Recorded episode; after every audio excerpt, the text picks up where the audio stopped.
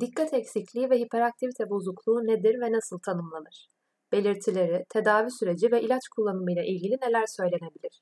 Ailelerin bu durumda yapabilecekleri nelerdir?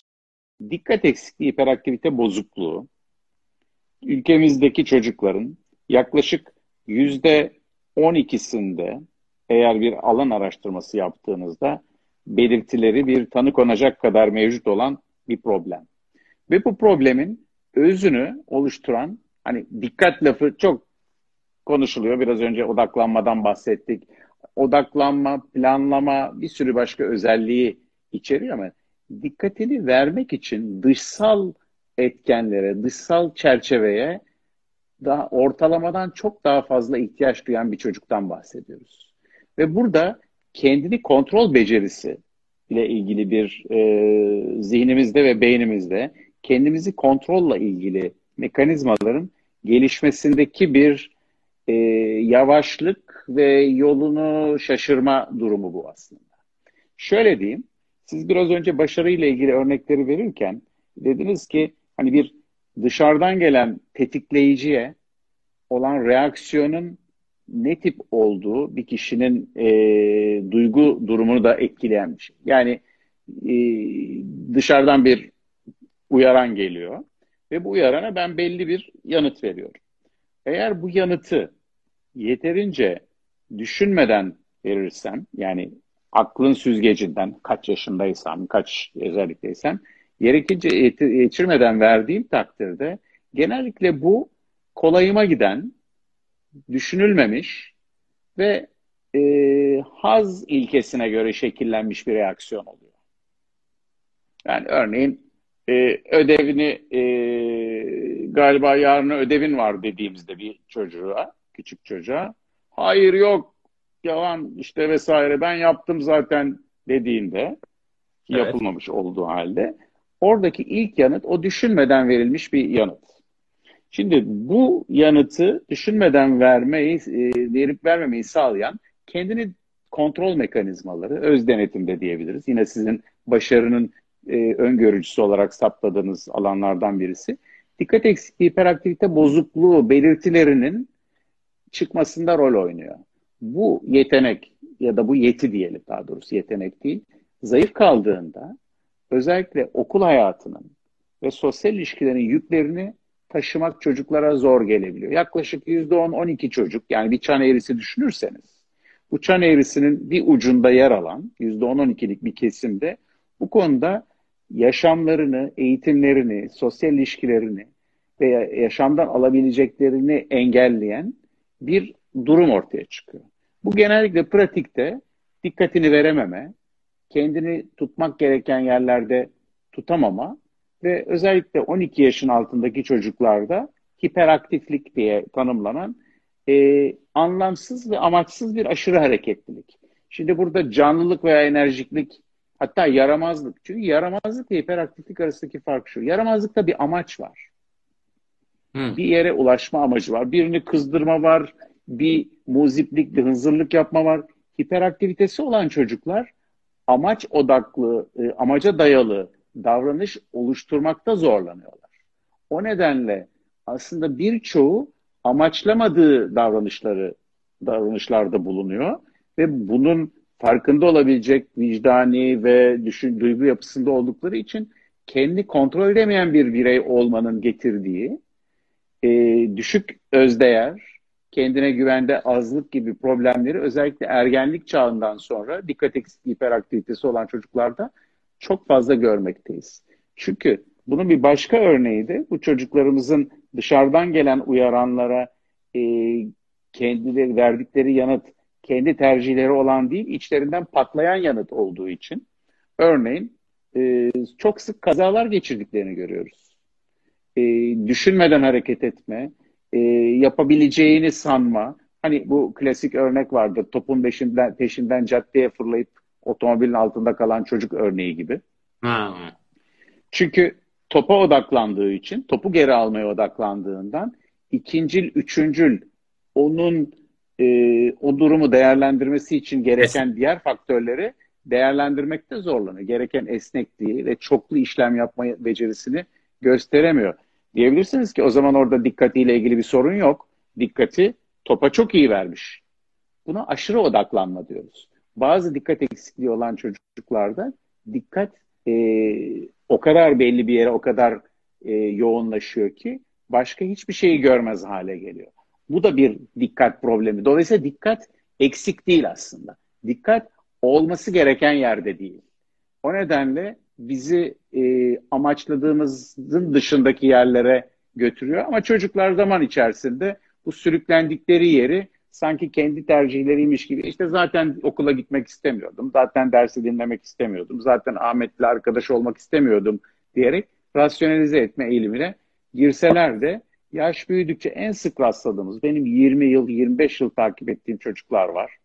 Ee, sonraki hallerini gördüm. Sizin neredeyse yaşınıza belki gelmiş genç adamlar vesaire oldular, kadınlar oldular.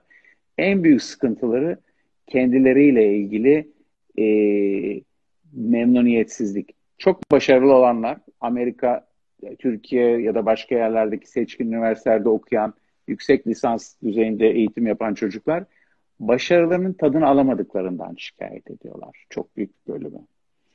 Nasıl başarılı olduklarını bile fark edemediklerini.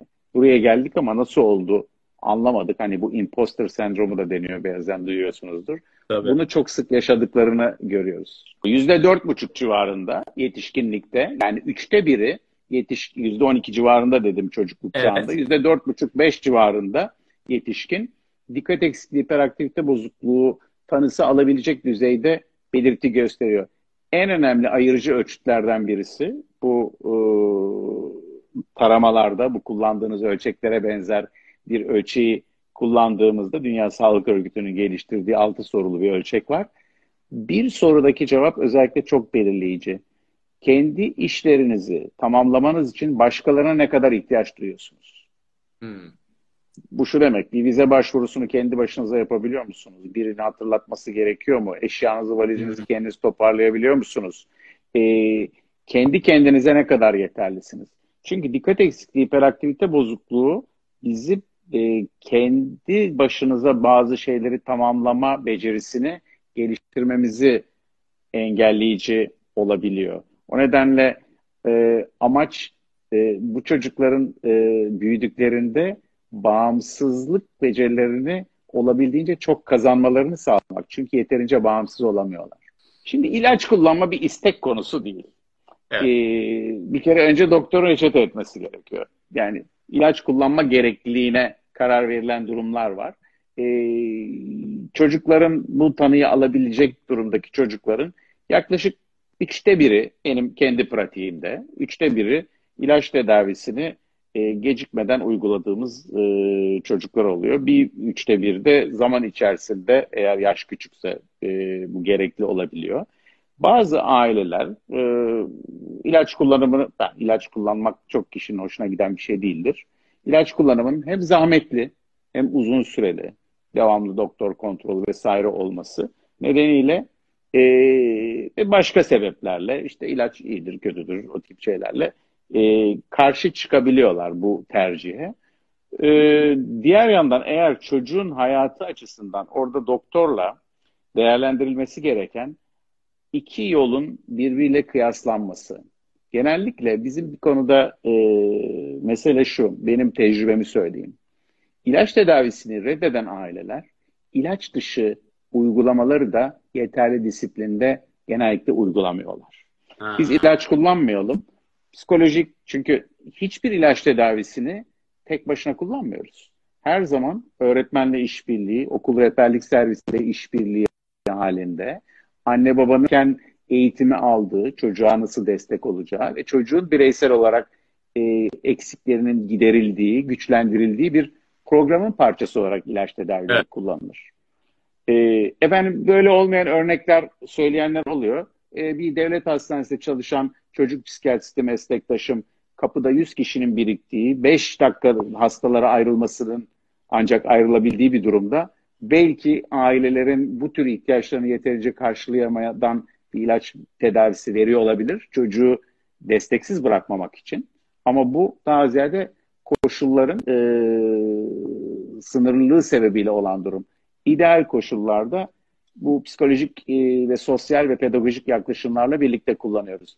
Benim biraz önce söylediğime gelirsek, ilaç tedavisi ben istemiyorum diyen birçok kişi, peki o zaman e, bu psikolojik, pedagojik çalışmaları yapalım, okulumuzda şöyle bir işbirliği yapalım dendiğinde, bir üç ay sonra bir daha görüşelim dendi. Hiçbirini yapamamış olarak genellikle gelirler. Ha, anladım. Çünkü çünkü orada daha ziyade bir problemin kabul edilmesiyle ilgili bir problemle Evet. karşılaşıyoruz. Buna yatsıma diyoruz.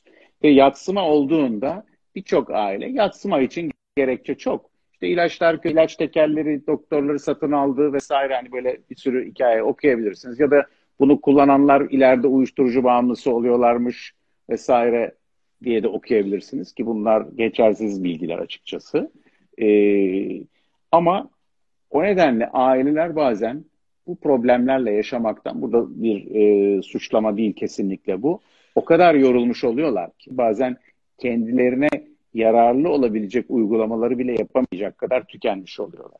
O nedenle Evet. e, ben dikkat eksikliği, hiperaktivite bozukluğu olan ailelerin en çok faydalandıkları şeyin ne, doktor, terapi vesaire pardon dışında başka aileler, başka insanlar, dayanışma, iyi öğretmenler problemi dayanılabilir ve tahammül edilebilir hale getirdikten sonra tekrar düşündüklerinde işte 3 ay, 5 ay, 1 yıl, 2 yıl sonra konuştuğumuzda eee, farklı olduklarını görüyoruz. O nedenle biz hiç acele etmeden aileyle birlikte bu durumu sindirerek çünkü burada uzun süreli bir meseleden bahsediyoruz. Evet. Yani bugünden yarına geçecek bir boğaz ağrısından bahsetmiyoruz. O nedenle bir şey kaçmıyor.